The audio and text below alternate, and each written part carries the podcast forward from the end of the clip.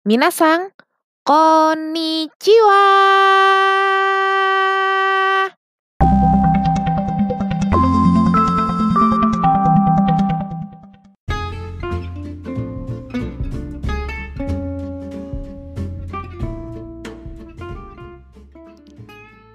Yeay!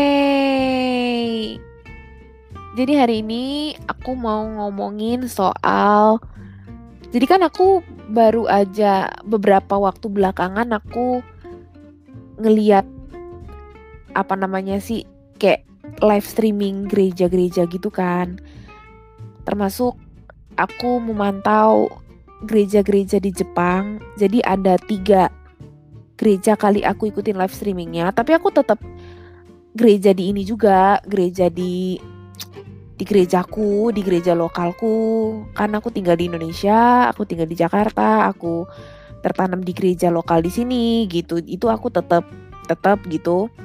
Tetap gereja di situ, tapi aku juga tetap um, memantau gereja di Jepang kayak bukan memantau sih, lebih ke awalnya itu aku kepo gitu kan. Jadi akhirnya aku ngeliat ngeliat-liat gitu, ngeliat-liat live streamingnya. Terus uh, terus aku baru sadar kalau ternyata di Jepang pun orang-orang nggak mm, semuanya dalam kondisi berada di gereja yang sehat gitu, menurut aku. I mean like ada juga satu dua gereja tuh yang agak-agak prosperity gospel atau kalaupun dia nggak prosperity gospel ya khotbahnya nggak nggak dalam gitu kayak uh, jatuhnya jadi kayak motivasi doang terus ya ya gimana ya jadi jadi kayaknya sayang sih artinya kayak kita ke gereja harapannya kan kita dibina dengan baik gitu tapi ternyata enggak gitu.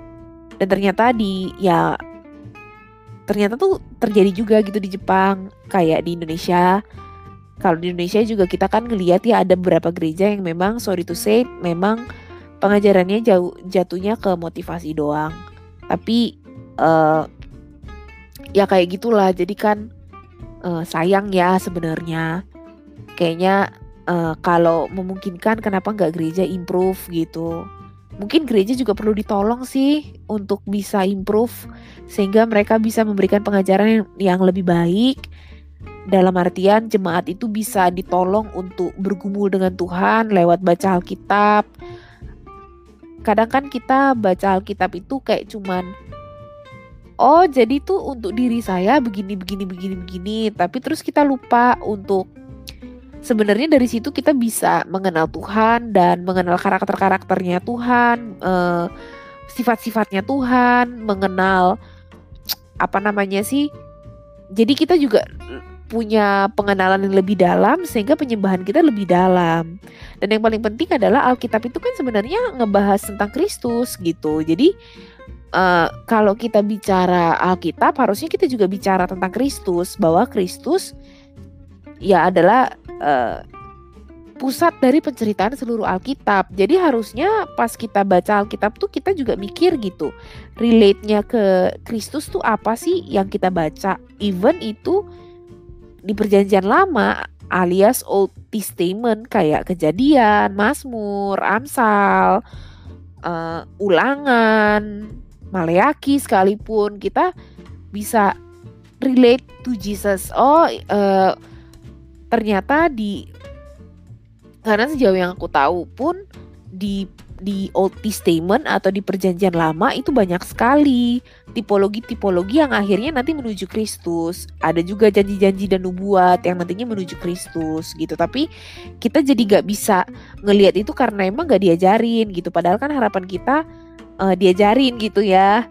Jadi uh, ya kita berdoalah uh, supaya gereja-gereja yang ada dan mungkin masih mengajarkan hal-hal yang uh, kurang insightful lah dan mungkin memang kurang benar juga, kurang sesuai Alkitab juga itu uh, bisa ditolong dan Tuhan berbelas kasihan lah gitu sehingga mereka bisa mengalami pertobatan dan kadang kadang-kadang sih sebenarnya bukan gereja yang tidak niat ya, tapi memang gerejanya nggak mampu juga sih.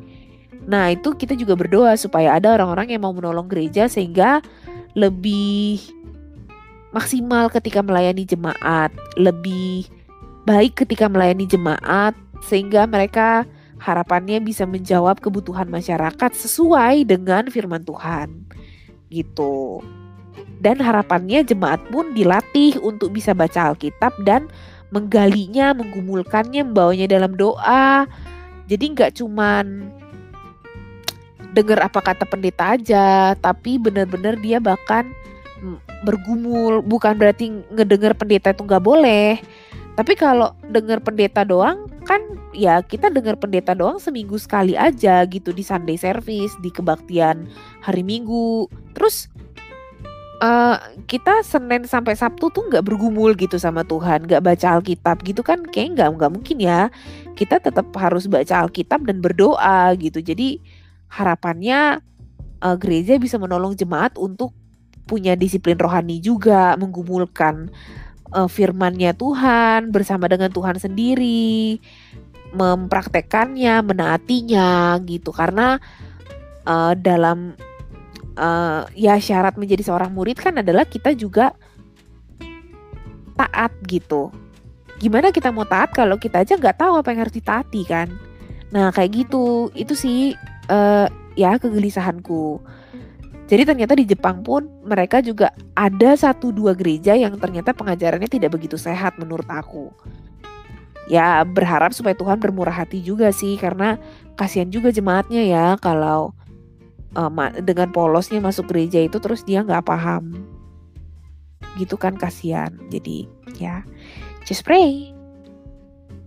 Itu sih udah itu ngomong-ngomong itu aja.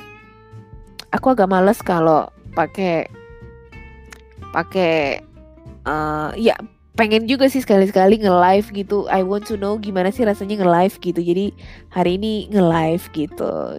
Makasih ya semuanya.